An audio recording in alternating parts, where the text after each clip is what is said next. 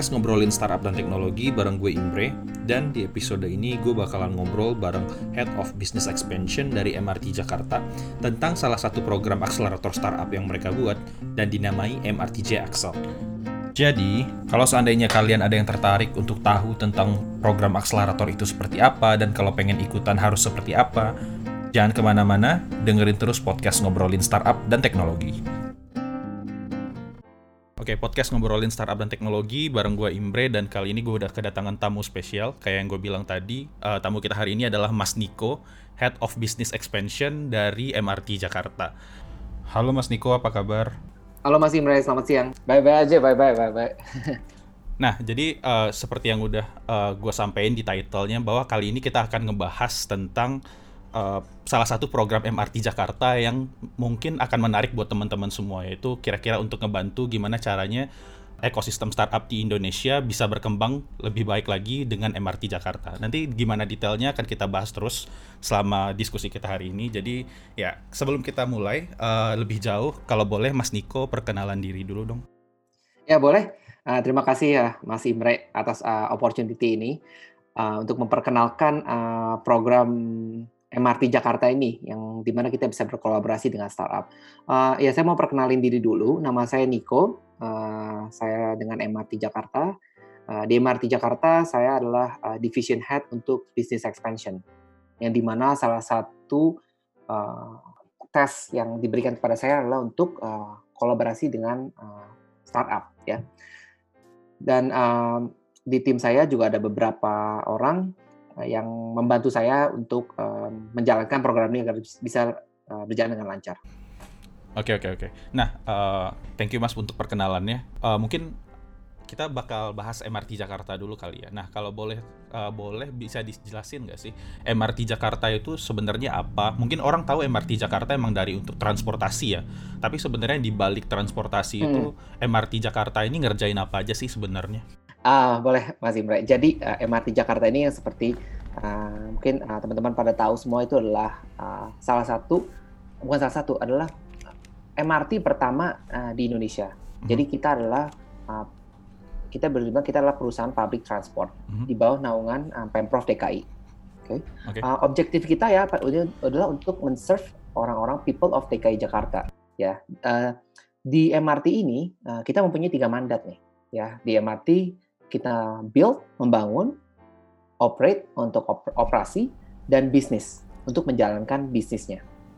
Ya, ah, kebetulan sekali di tim saya ini adalah tim di bawah naungan business development, okay. business expansion yang yang kita untuk business expansion yang kita itu uh, salah satu main topnya jobnya yang kita yang saya serius sebut adalah business development jadi mencari opportunity opportunity atau peluang-peluang baru untuk MRT uh, eh, Jakarta. Oke, jadi si MRT Jakarta ini nggak cuma tentang transport ya. Kalau boleh tahu, uh, bisnis lainnya itu ada apa aja sih mas selain transportasi? Oke, boleh. Saya jelasin sedikit ya. Uh, jadi uh, main source of revenue kita itu ada dua. Mhm. -huh. Ya, yang pertama disebut fare box atau pendapatan dari tiket. Oke. Okay. Jadi orang beli tiket, uh, membayar itu pendapatan kita. Uh, yang other revenue source adalah non fare box. Mhm. -huh. Jadi non fare box ini terdiri dari banyak nih. Ada menjual iklan, advertising, okay. menjual naming rights, mm-hmm. uh, ada juga retail. Nah, tapi kan kita sebagai MRT Jakarta ini kita tahu ini adalah uh, tradisional uh, apa tradisional uh, selling kita misalkan emang di MRT itu semua sudah ada dan sudah ada tempatnya ya kita tinggal jual tapi makanya di satu sisi ini di non, ada non fair box expansion lagi ya di non fair box yang udah tradisional non fair box ada juga non fair box expansion di mana kita mau mencari opportunity baru yang nanti melit ke program ini untuk kolaborasi dengan startup mas. Gitu. Oke, okay. nah karena udah disinggung juga ya tentang kolaborasi mm. sama startup, jadi sebenarnya hari ini kita pengen ngobrolin salah satu program MRT Jakarta yang namanya MRT uh, eh, Jakarta Accelerator Program. Bener ya mas? Iya, nah, benar benar. Uh, boleh diceritain nggak sebenarnya MRT Jakarta Accelerator itu program apa sih? Oke, okay. jadi MRTJ Axel ya kita bilangnya. Nah, okay. Ya MRTJ Axel tuh uh, accelerator program ya di mana ini adalah bentuk uh, kerjasama salah satu ini pertama kali nih kita melakukan kerjasama dengan startup di mana goal kita itu di kolaborasi ini adalah untuk foster innovation okay. ya innovation uh, jadi kita berkolaborasi jadi di program ini mas jadi uh, kita mengundang uh, startup-startup untuk uh, masuk ke ekosistem kita mm -hmm. ya karena uh, everyone knows lah MRT Jakarta dan gimana reputasi kita, branding kita uh, di Indonesia ini dan juga di dunia karena kita harga di dunia. Okay. Jadi kita mengundang beberapa startup ini masuk uh, ke kita, ekosistem kita bekerja sama dengan kita, either itu improve efisiensi kita atau membangun sesuatu yang baru, solution yang baru, ya.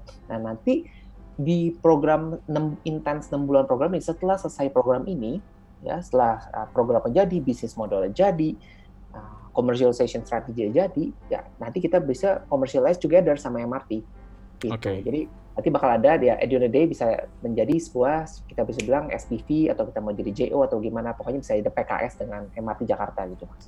Oke oke jadi orang-orang yang nanti ikut program ini kalau seandainya lolos setelah enam bulan berarti mereka punya akses ke marketnya MRT ya kayak misalkan passenger passengernya MRT atau mungkin bahkan station atau segala macam gitu mas? Ya benar. Jadi uh, di lingkup kerja uh, untuk startup-startup ini mereka bisa uh, di stasiun di kereta itu sendiri atau di stasiun atau di area sekitar stasiun yang nama kita menamakan transit oriented development mas. Oh, itu okay. adalah 700 meter uh, area sekitar stasiun. Itu adalah di bawah naungan MR, MRT juga. Jadi lingkup kerja luas dan mereka bisa dapat akses ke kita punya passenger uh, semuanya ya. Uh, jadi kita bilang itu adalah captive market. Karena okay. kita bisa bilang uh, salah satunya perusahaan MRT di, di, di Indonesia gitu mas. Ya ya ya ya. Nah mm uh, kenapa sih mas uh, eh, MRT Jakarta bikin program kayak gini? Uh, jadi gini uh, MRT yang tadi saya sudah bilang ya MRT Jakarta ini kan uh, di terutama di bisnis saya kita melakukan expansion expansion. Jadi uh, kita tahu kita udah punya farebox, kita tahu kita udah punya uh, non farebox yang hmm. tradisional farebox seperti ads. Nah kita tahu nih startup startup ini adalah uh, it's a big market gitu to tap in. Jadi kita kita mau kita kita mau uh, membedakan diri kita dari tradisional uh, operator yang lain ya, okay. yang mungkin fokusnya lebih ke uh, penumpang atau uh, atau ke pelayanan. Mm -hmm. Kita mau ekspansi, kita kita mau tahu uh, misalkan nanti ini kan ada limitation ya untuk menjual ads segala macam. Jadi kita butuh source of revenue yang lain dan okay. startup adalah one of the market biggest market yang kita bisa tap into gitu. Oh, I see, I see. Buat business expansion mm -hmm. ya intinya ya. Okay. Benar, yes. Nah, uh, tadi kan udah dibilang juga ini programnya adalah kolaborasi antara MRT Jakarta sama startup. Nah, startup-startup seperti apa aja sih Mas yang jadi target dari program ini? Uh, sebenarnya kita mencari startup yang udah lumayan mature sih. Okay. Ya, bisa dibilang dari udah seed atau preset kita masih consider kalau misal kalau mereka udah lumayan mature okay. uh, sampai series A ya. Uh-huh. Uh, kita ada set of requirements misalkan startup itu harus mempunyai MVP, okay. minimal viable products ya, foundersnya juga benar-benar udah full time, uh-huh. terus udah punya uh, legal do- legal documentation, udah punya PT semuanya. Okay. Uh-huh. Dan lebih bagus lagi mas kalau startup itu ya udah punya clients dan investor mas. Oke. Okay gitu. Jadi udah lumayan uh, mature karena kenapa kita pilih kayak gitu karena uh, end goal kita adalah commercialize bareng. Jadi makanya kita sebut ini sebagai accelerator atau open innovation lab bisa dibilang juga, bukan uh. inkubator gitu Mas. Oke okay, oke okay, oke. Okay. Nah, kalau seandainya uh, MRT Jakarta tadi bilang pengen bikin innovation dan segala macam. Nah, kenapa uh, pilih akselerator instead of inkubator. Padahal sebenarnya kan kalau akselerator kan startup-startup itu biasanya udah punya produk sendiri ya. Mungkin mm. produknya juga belum tentu inline juga kan sama apa yang dimiliki oleh MRT Jakarta mungkin secara bisnis model dan segala macam. Tapi kalau mm -hmm. seandainya dia masih early stage atau mungkin pre stage, mungkin itu kan masih bisa gede kemungkinan untuk dia ngebikin produk baru gitu loh mas. Iya, boleh mas. Jadi uh, jadi gini untuk uh, untuk program ini uh, sebenarnya kenapa kita targetnya akselerator atau mungkin startup yang udah lumayan mature karena uh, yang itu seperti yang saya bilang tadi mas karena di sini end goalnya lebih commercialization hmm. jadi uh, di di di program ini uh, nanti kita udah mereka tuh udah punya semua MVP uh, udah punya badan usaha udah punya bisnis model yang jelas buat mereka sendiri okay. dan nanti lebih ke mereka cuman masih ke modify atau adjust mereka punya produk atau uh, find a new business model sebagai alternate software revenue mereka. Iya dan mereka juga bisa ngegedein ini ya, bisa ngegedein market mereka ya dari captive market. Yes, yes, karena kan uh, kita uh, kita juga dari dari branding kita gitu bisa apa use bisa menggunakan kita sebagai use case. Mm-hmm. Nah kalau inkubator itu kita yang kita pikir adalah uh, kalau startup-startupnya masih uh, ideation stage gitu ya, yeah. itu bakal take maybe a, lo- a longer time buat kita ya, okay. karena produknya belum ada, bisa juga ada mediation, bisa juga produknya masih terlalu early, hmm. belum ada beta testing atau segala macam. Jadi it's a little bit hard for us to uh, uh, fokus untuk uh, ngebimbing sampai kayak gitu. Jadi kita udah know hal yang masuk udah lumayan mature, kerjasama langsung sama kita. Nah kita intens program 6 bulan kita bikin tuh uh, uh, produk atau solution yang bisa work for both uh, startup dan kita gitu. Dan kita nanti commercialize bareng gitu mas.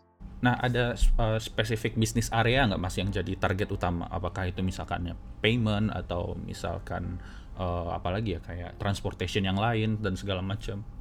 Uh, jadi gini, uh, menurut saya kalau untuk spesifik sektor uh, startup hmm. untuk sekarang enggak mas, karena uh, okay. ini adalah program pertama kita. Kita mau lihat dulu nih uh, beberapa yang penting nanti pas selection selection proses uh, mereka punya ide, idea and business model yang mereka propose ke kita tuh make sense buat kita. Lebih kayak gitu aja sih daripada spesifik sektor.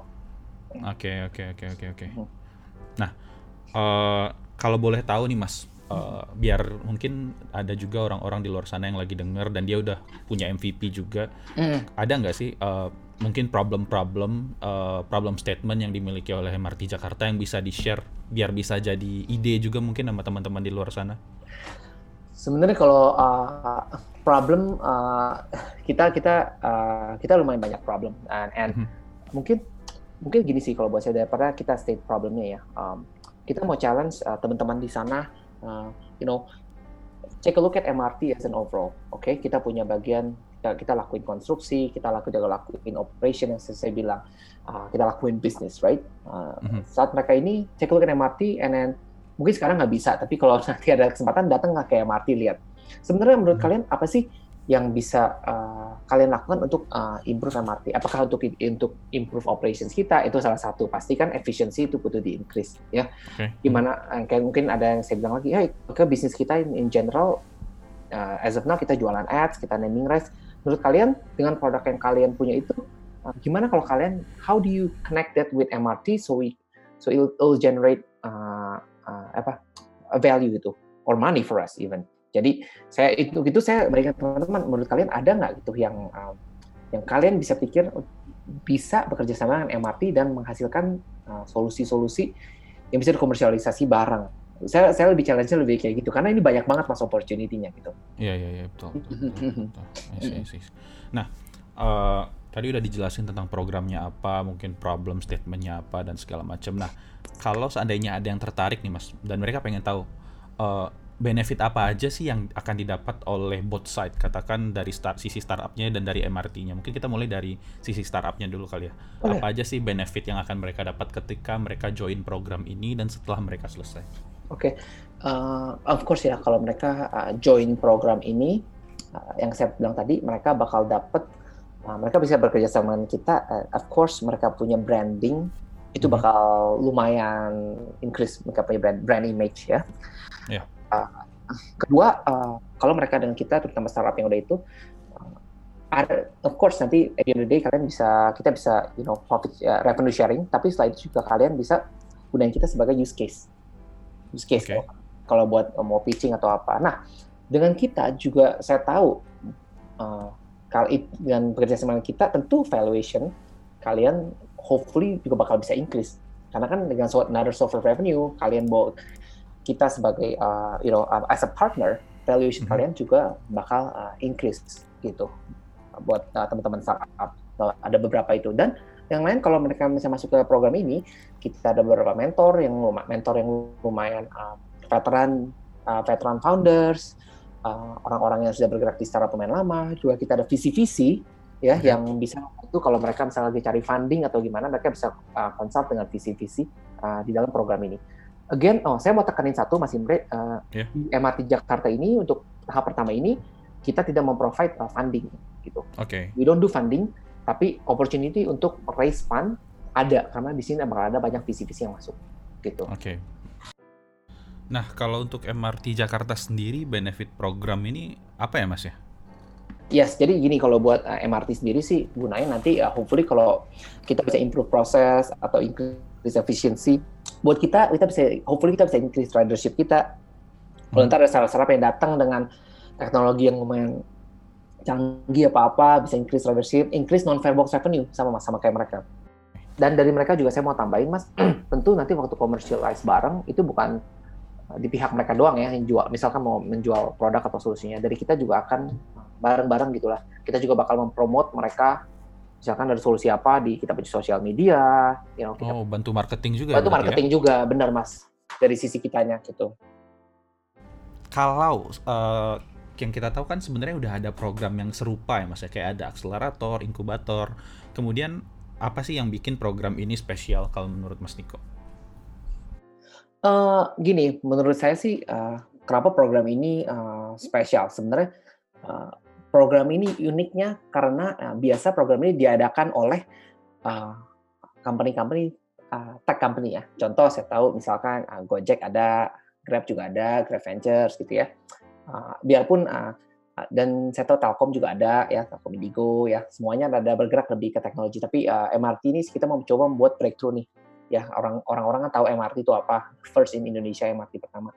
Jadi kita membuat program yang sedikit unik nih. Oh, kalian masuk ke kita, uh, kita punya captive market, kita nggak we're the first MRT dan setelah itu juga um, kalian bisa merasakan benefit-benefit di MRT. Apa sih ini sebenarnya MRT? Jadi it's, it's a little bit different ya dari kita punya kita yang value yang kita bring to the market dibanding dengan mungkin program-program yang ada ada lain gitu. Oke. Okay. Iya iya iya ya, menarik. Nah, kalau seandainya ada nih Mas yang tertarik untuk join, hmm. uh, boleh dijelasin nggak prosesnya itu untuk ikut program boleh. ini apa aja? Uh, mulai dari uh, tahap apa, kemudian tahap apa? Oke, okay, boleh. Jadi uh, rencana kita sih sekarang uh, dengan situasi ini, tadinya kita mau launch programnya di uh, Maret awal April. Oke. Okay. Tapi dengan keadaan sekarang kita push ke Juni. Nah, uh, nanti uh, seperti biasa kita bakal ada uh, landing page kita ya, di mana orang bisa hmm. melihat semua informasi yang ada. Nanti itu udah ada. Itu belum, itu belum ada masa. Nanti kita bakal okay. share as, as as it gets closer mungkin uh, di Mei awal itu mungkin kita mulai share-share informasi-informasi melalui uh, dengan uh, tentang program ini. Nanti di sana orang bisa masuk ke page kita, uh, bisa register. Register mm-hmm. nanti ada uh, beberapa uh, petunjuk dan juga required documents yang mereka mesti submit. Apa aja tuh mas? Uh, contohnya misalkan uh, kalau dari mereka ya, you know, all legal documentation saya, uh, okay. semuanya, dan juga nanti uh, mereka juga mesti submit ke kita uh, one pager uh, ide mereka dan bisnis bisnis model proposal mereka tuh gimana gitu ya jadi uh, ada dua proses seleksi nih mas jadi as, hmm. waktu mereka submit pertama kita okay. minta mereka menyambit nyap, submit semua dokumentasi yang penting uh, hmm. dan juga uh, one pager itu ya nanti kita ada proses seleksi ya selama nanti kita seleksi seleksi nanti yang nanti ada ada screening kedua di mana yang kita udah pilih yang komite udah pilih kita bakal uh, undang mereka untuk uh, do uh, presentation atau pitching kita tentang bisnis mereka. Oke. Okay. Nah, ya. Nah, target kita sih uh, setelah pitching itu kita bisa ngambil sekitar uh, 8 sampai 10 startup lah untuk untuk program ini, Mas. Oke okay, oke. Okay. Nah, uh, ketika pitching itu yang akan mereka present itu apakah dokumen-dokumen yang mereka submit atau sebenarnya udah uh, produk yang udah mereka bikin? Bukan. Jadi gini, uh, waktu mereka pitching adalah kan kan untuk eh, untuk uh, startup ini kan pasti yang saya bilang tadi mereka sudah mempunyai produk ya. Tapi kan yeah. yang mereka pitching itu nanti bukan produk mereka. Mereka bisa memperkenalkan sedikit emang company mereka gimana, tapi lebih ke uh, proposal mereka. Jadi bisnis model uh, yang mereka mau uh, work sama kita tuh gimana? Kolaborasi integrasinya seperti apa ya? Atau bisa dibilang integrasi ke kita ya gimana? Tapi kolaborasi okay. partnershipnya tuh gimana? Jadi bisnis model misalkan, hey uh, MRT gue bisa bawa ini kayak gini ke lu nih, ini kan produk gue sekarang gini, gue bakal modif ini terus misalnya gue attach ke lu punya I don't know any any machine or whatever. Jadi uh, kita bisa commercialize barang di sini. Nah, ini adalah projection revenue-nya segini menurut saya gitu. Lebih kayak gitu sih, Mas. Jadi bukannya semata-mata itu mereka, tapi uh, proposal mereka yang mereka bakal uh, presentasiin ke kita. Iya, iya, iya, iya. Ya. Hmm. Nah, itu uh, kira-kira sampai keluar pengumuman yang lolos pitching itu kira-kira di bulan apa nanti, Mas? Kalau buat yang lolos pitching itu kita uh, kita targetin sih uh, akhir uh, akhir Juli gitu ya, Mas ya. Oh, oke, okay, oke. Okay. Awal awal Junian gitu kita buka, pertengahan Juni, pertengahan Juli kita tutup, seleksi-seleksi akhir Juli lah kita bisa umumin uh, ada hmm. yang masuk ke uh, kita punya akselerator tuh berapa siapa aja gitu. Oke, okay, dan programnya di kick off kapan nih? Programnya jadi uh, again uh, kita launch launch buat uh, orang registra orang buat uh, apply itu Jun dan hmm. mulai official itunya Agustus mulai. Agustus. Hmm Oke, nah biasanya kan kalau akselerator ini programnya intens banget ya. Maksudnya kadang kalau aku baca atau uh, dengar-dengar cerita orang, biasanya ketika ikut program akselerator, of kayak foundernya tuh kayak semacam full time juga gitu loh di program akseleratornya. Kalau ini gimana mas? Apakah intens juga programnya berapa minggu gitu? Uh, jadi kan program ini seperti saya bilang uh, in uh, six months program ya, uh, bisa dibilang intens karena nanti uh, di di setiap bulan kita bakal set KPI tentu ya bakal ada KPI atau achievement achievement ya bulan itu. Uh, jadi ada KPI yang kita bakal review uh, sebulan dua kali hmm. buat itu sebulan dua kali karena kalau seminggu itu mungkin terlalu close. Tapi nanti kita lihat perlu kita sekarang targetnya uh, sebulan dua kali buat review KPI apakah itu achieve atau enggak gitu. Nah nanti di tiga bulan itulah penentuannya apakah benar-benar bisa achieve atau enggak atau kita butuh pivot atau gimana atau kalau nggak bisa ya nggak bisa gitu kalau nggak jalan oh, Oke. Okay. Mm -mm. Nah tadi berarti ada review dua kali uh, sebulan. sebulan ya. Mm, nah gitu. terus kapan sih orang-orang ini punya kesempatan ketemu dengan mentor-mentor tadi atau visi-visi tadi? Jadi gini untuk mentor dan visi-visi tadi um, tinggal bilang aja ke kita ya. Uh, mereka punya punya mereka punya akses kapan aja. Cuma mereka mesti set uh, time sama kita. Hey ya kita butuh mentor ini uh, kita butuh. Jadi mentor-mentor ini tugasnya tuh ada ya kita bagi sebagai expert. Ada yang kayak teknologi expert ada yang sebagai uh, uh, marketing expert ada yang sebagai uh, product expert gitu. Jadi kita bagi lagi butuh uh, apa konsultasi tentang apa nih gitu. Karena oh, yang kita karena uh, makanya saya tadi saya bilang uh, target kita punya startup tuh startup yang belum lumayan mature. Jadi mungkin hmm. mereka lebih butuh ngomong sama di kepala divisi kita nih lagi eh misalnya kepala divisi operasi mereka mau improve. Mungkin mereka lebih kontaknya lebih ke sana. Jadi uh, mentor ini uh, atau kita sih bilang sebagai advisor ya uh, hmm. untuk membantu mereka uh, membahas atau mau brainstorm aja. Tapi bukan nge-guide mereka mesti kayak gimana jalannya.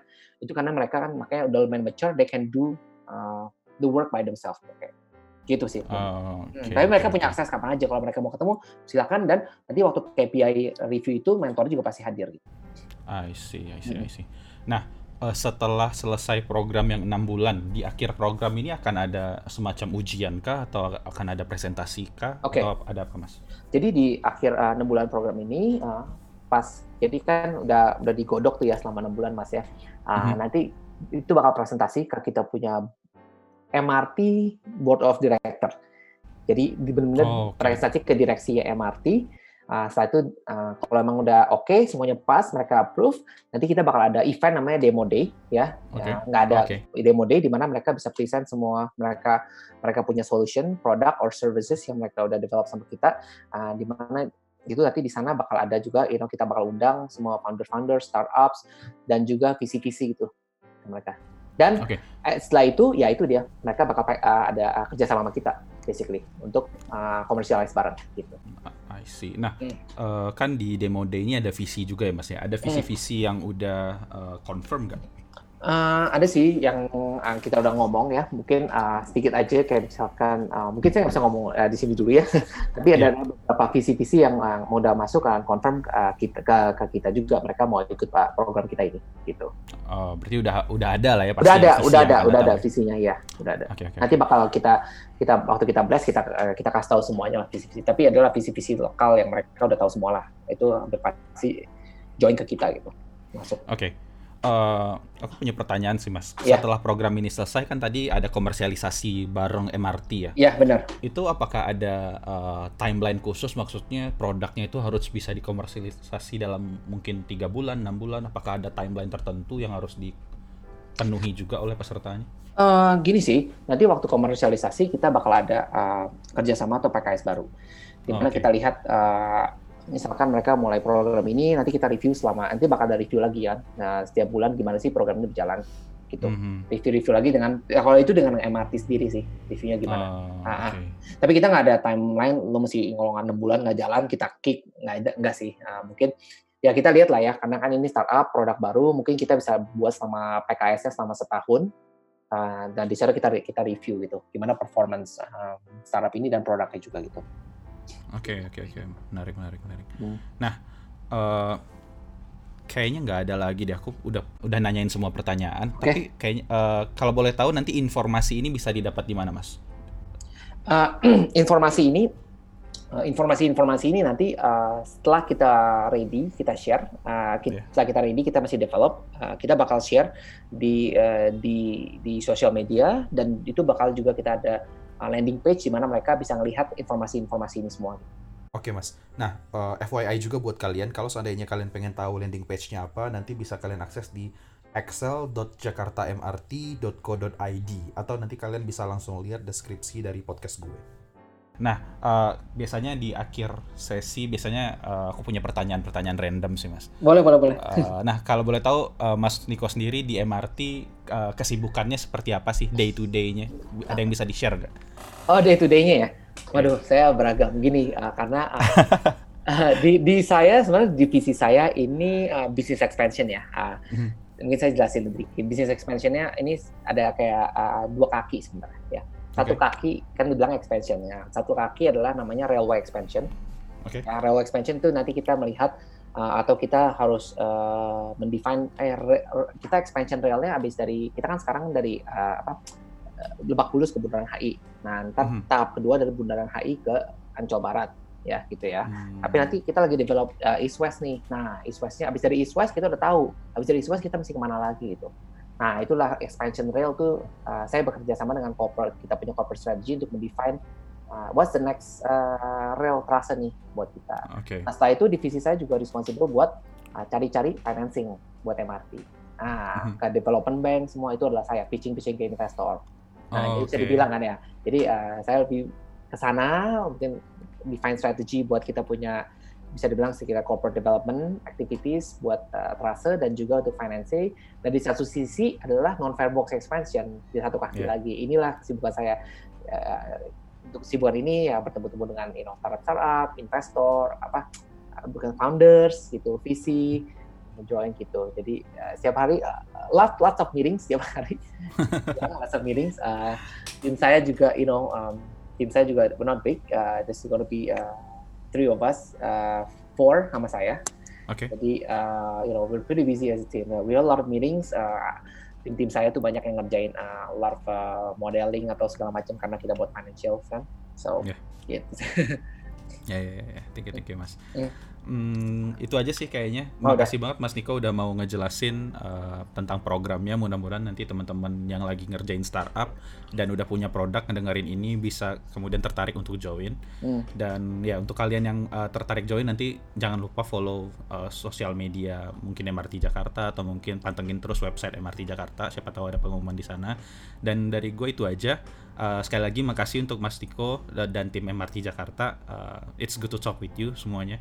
Nah, uh, itu aja seperti biasa kalau seandainya kalian punya pertanyaan atau punya feedback tentang episode podcast gue, uh, silahkan tinggalin komentar di Twitter gue di @imbrenagi. Dari gue itu aja, makasih semuanya. Assalamualaikum warahmatullahi wabarakatuh.